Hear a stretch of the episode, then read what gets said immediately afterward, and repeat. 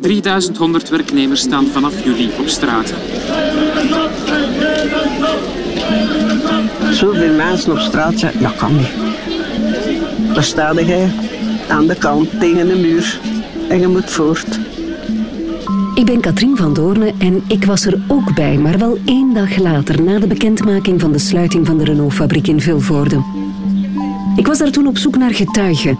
Werknemers van Renault Vilvoorde die wilden komen getuigen op de radio. Dat was geen fijne job, want de verslagenheid was zo groot daar in Vilvoorde. Er was vooral ongeloof en verslagenheid. Soms ben je erbij en terwijl je erbij bent, geloof je het zelf nog altijd niet. Ik ben Frida Haantjes.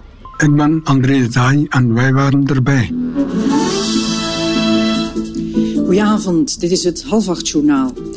De autofabriek Renault in Vilvoorde moet op 1 juli dicht. Meer dan 3000 mensen verliezen hun baan. Na Wallonië met Forge de Clabec heeft nu ook Vlaanderen zijn sociaal drama. Het nieuws kwam als een donderslag bij heldere hemel. De autofabriek Renault in Vilvoorde gaat in juli dicht. De persdienst van Renault liet vanavond laconiek weten dat in het kader van een verregaande vereenvoudiging van zijn industrieel apparaat Renault in 1997 de activiteiten van zijn fabriek in Vilvoorde zal stopzetten. Die vereenvoudiging van het apparaat neemt meer dan 3000 mensen hun werk af. Het nieuws van de sluiting werd om vijf uur bekendgemaakt door de secretaris-generaal van Renault Frankrijk. De man deed dat in het Brusselse Hilton Hotel. Renault a décidé d'arrêter cette année la production de l'usine de Renault Industrie Belgique. Het echtpaar Frida Haantjes en André de Taai uit Overmeren werkte 25 jaar voor Renault Vilvoorde. De vakbonden van Renault Vilvoorde vreesden al langer voor een pijnlijke herstructurering, zeker nadat grote aantallen afgewerkte auto's waren weggehaald van het parkeerterrein in Vilvoorde. Officieel was dit om het plotselinge tekort aan Megans in Frankrijk op te vangen. Maar dit, dit hadden ze niet zien aankomen. Renault Vilvoorde moest dicht. En ook voor Frida en André was dit een complete verrassing. We gaan met hen even terug naar die 27 februari van 1997. Na de middag is daar rondgegaan in de fabriek. Ik had met de vroege schrift gestaan en toen ging daar rond in de fabriek dat Renault zou gesloten worden hebben. Het was een grote vergadering, s'avonds, en, uh, maar we wisten nog niet hoe dat recht gaande was. Dan hoorde dat in één keer, dan zei dat kan niet, hè. dat kan niet. Zoveel mensen op straat zijn, dat kan niet. Maar toch was het waar. Radio 1. Nieuws van vijf uur kwam dat op de radio. Dat de sluiting van Renault in Vilvoorde zou doorgevoerd worden. Dus algemene consternatie. Hè. Toen we dat gehoord hebben op de, radio, ben ik met onze zoon eh, in de auto gegaan en uh, zijn we naar Vilvoorde gereden, want mijn vrouw was er nog aan het werk toen. Hè. Ik had uh, de vroege shift gehad en zij deed laden, dus ik wist niet dat er ons er ging te wachten staan. We zijn naar uh, gereden en daar kwam het wel uit. Iedereen stond op straat. Waarom moest Renault Vilvoorde zo nodig sluiten? Blijkbaar omdat het Franse moederbedrijf van Renault in moeilijke papieren zat. De problemen in Frankrijk hebben onder andere te maken met het personeelsbeleid. De gemiddelde leeftijd van de Renault-arbeiders ligt daar rond de 50 jaar. Dat komt omdat gepensioneerde werknemers niet meer werden vervangen. Zo verminderde het personeelsbestand zonder grootscheepse ontslagen, maar er kwam nog nauwelijks jong bloed binnen.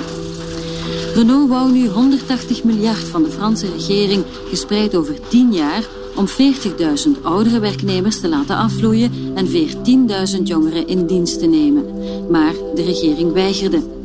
Over die sluiting hadden wij ervoor nooit niets gehoord. En uh, we dachten ook dat wij, ja, hier kunnen wij op pensioen gaan, dat, uh, werken tot aan ons pensioen.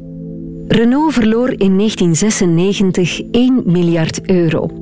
De productie in de Renault-fabriek in België was per auto effectief enkele tientallen euro's duurder tegenover de productie in de andere landen. Renault Vilvoorde is de meest productieve vestiging van Renault in Europa.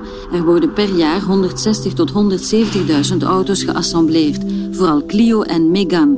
De loonkost ligt hier hoger, maar het personeel werkt harder en was niet gauw geneigd tot staken. Zo pas werd er ook nog zwaar geïnvesteerd in een nieuwe productielijn voor de Megane, maar dat model zal dus voortaan alleen nog in het Franse Douai worden gemaakt. Uiteindelijk hebben ze besloten van Renault te sluiten hier in Vilvoorde. En ze gaven de voorkeur aan Spanje en Frankrijk. Natuurlijk, hun eigen land gaan ze niet eh, tekort doen. Hè. En dan ook Spanje was goedkoper waarschijnlijk. Hè. Door de sluiting van de fabriek op een persconferentie aan te kondigen, had Renault de regels voor collectief ontslag genegeerd. Zo was de Europese ondernemingsraad niet ingelicht. Dat gaf dan weer munitie voor juridische acties en zou leiden tot de wet op de informatie van ondernemingsraden, de zogeheten wet Renault, die er een jaar na de sluiting van Renault Vilvoorde is gekomen. Die wet zegt dat een voornemen tot collectief ontslag voortaan vooraf moet worden aangekondigd en onderhandelingen verplicht zijn.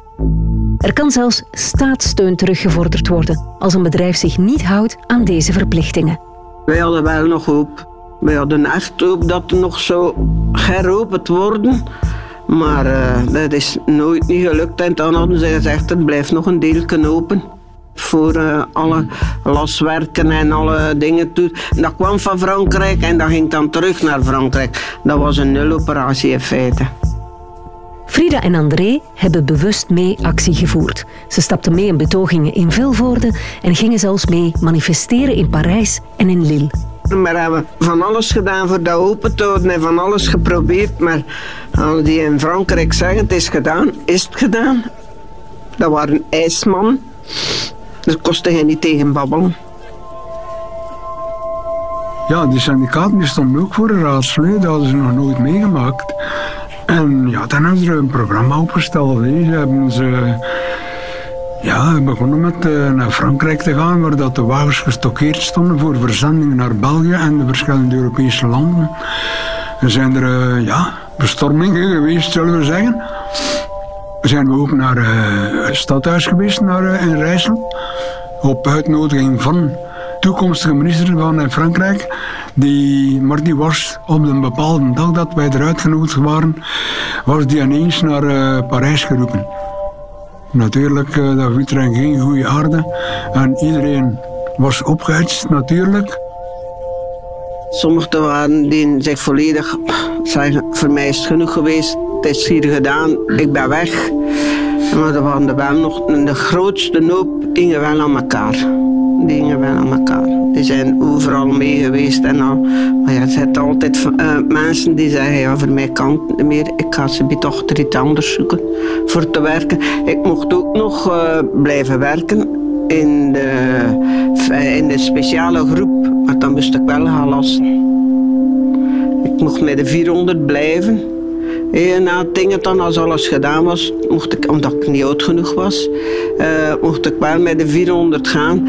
Maar dan moest ik wel in januari beginnen en alle dagen alleen naar Brussel voor zes maanden bij de vroegen. Dat kostte niet. Dat was te veel. Dat ging niet. Dat heb ik niet gedaan. Ik heb gezegd, sorry, ik sta dan met één voet buiten, pak er mij een andere bij. En in de pers kon je ondertussen lezen dat de werknemers van Renault Vilvoorde premies en vergoedingen zouden krijgen. Dat was het ding. Op eh, de radio en televisie zeiden dat we zoveel geld gingen krijgen. Als je dan naar de winkel ging, ja, nu zijn het goed, ja. Ja, zoveel geld had zeggen wel tegen Ulde. Zeg, als je gulden aan een frank gezien hebt, heb ik ook een frank gezien. Ten einde raad is dat uitbetaald, maar ik heb wel zes maanden zonder loon gezeten. Ik heb geen inkomen gehad. Dan kreeg hij een afscheidspriem, zo gezegd. Maar als er alles op uitkwam, was er een helft weg voor de belastingen. Het jaar nadien heb ik nog een keer een helft aan de belastingen mogen geven. Wat heb je dan over gehad? Niet. Had ik mijn zes maanden mijn gewone loon gehad, had ik meer gehad of dat nu gehad had. Maar de mensen denken, amai, die hebben nu wel een dikke portemonnee. Maar dat was niet waar. En André wordt op zijn vijftigste met vervroegd pensioen gezet. Ja, dat was eigenlijk wel vrij vroeg. Hè. Als je 50 jaar op uh, pensioen gaat gaan. Ik had een vriend bij ons in de fanfare en die zegt, hoe lang zit je al op pensioen? Ah, van die 50 jaar. Maar jongen, dat heb toch gehad? Ik zeg, ja, nu zeggen we dat. Zeg, maar op die moment... En je zit met twee opgroeiende kinderen die nog moeten beginnen studeren. En je ziet allemaal op je afkomen. Ja, dan, stel je wel een vragen. Hè. Gaan we er wel uit geraken? Je zit toch iets waar je nog nooit contact mee geweest bent. Je wordt voor een voldongen feit gesteld. Uh, ja, wat gaan nog mijn verdiensten zijn in de toekomst? Dan gaan we dan nog kunnen runnen. Uh, ja, iedereen heeft, heeft zijn vragen. Hè? Op die moment een paar jaren ervoor gebouwen en zo, ja. Moeten we er toch ook uit geraken, hè? Er werd door de vakbonden en de werknemers ook wel richting politiek gekeken. Heeft de politiek er alles aan gedaan om deze sluiting te verhinderen? Veel werknemers voelden zich in de steek gelaten. De politieke smerlappen. Ze weten van niks. Hè. Ze weten van niks. Ha. Jong, ze verkopen ons land gelijk als ik wat. Dat is het. Ja, de politiek kan wel iets, maar eh, ik, ik zeg, ik blijf erbij als uh, er iemand zegt, kijk, ik sluit mijn zaak. Ja, dan uh, kan de politiek er wel tegen gaan en die proberen te stimuleren en dan nog te veranderen. Maar nee, ik denk niet dat de politiek er veel handen tussen kon steken. Alhoewel, ja, Iedereen is natuurlijk altijd ontgoocheld, want dan schieten wel naar iemand. Ja, en voor ons willen ze het niet doen en aan ons laten ze in de kou staan. Maar ja, er is veel over te zeggen. Hè.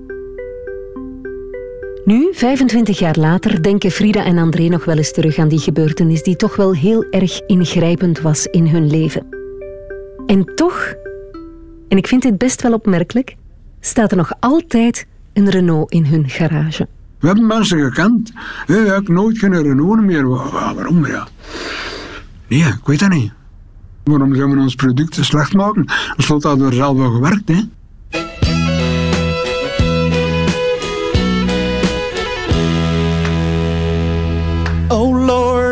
Won't you buy me a Mercedes-Benz? Zin om verder te graven in dat collectieve geheugen? Luister dan zeker naar de volgende aflevering van Ik was erbij. Was je zelf bij een bepaalde gebeurtenis en wil je erover vertellen? Stuur dan een berichtje naar ikwaserbij@radio2.be. My friends all drive Porsches. I must make amends. I worked hard all my lifetime. No help from my friends. Oh Lord, won't you buy me a Mercedes Benz?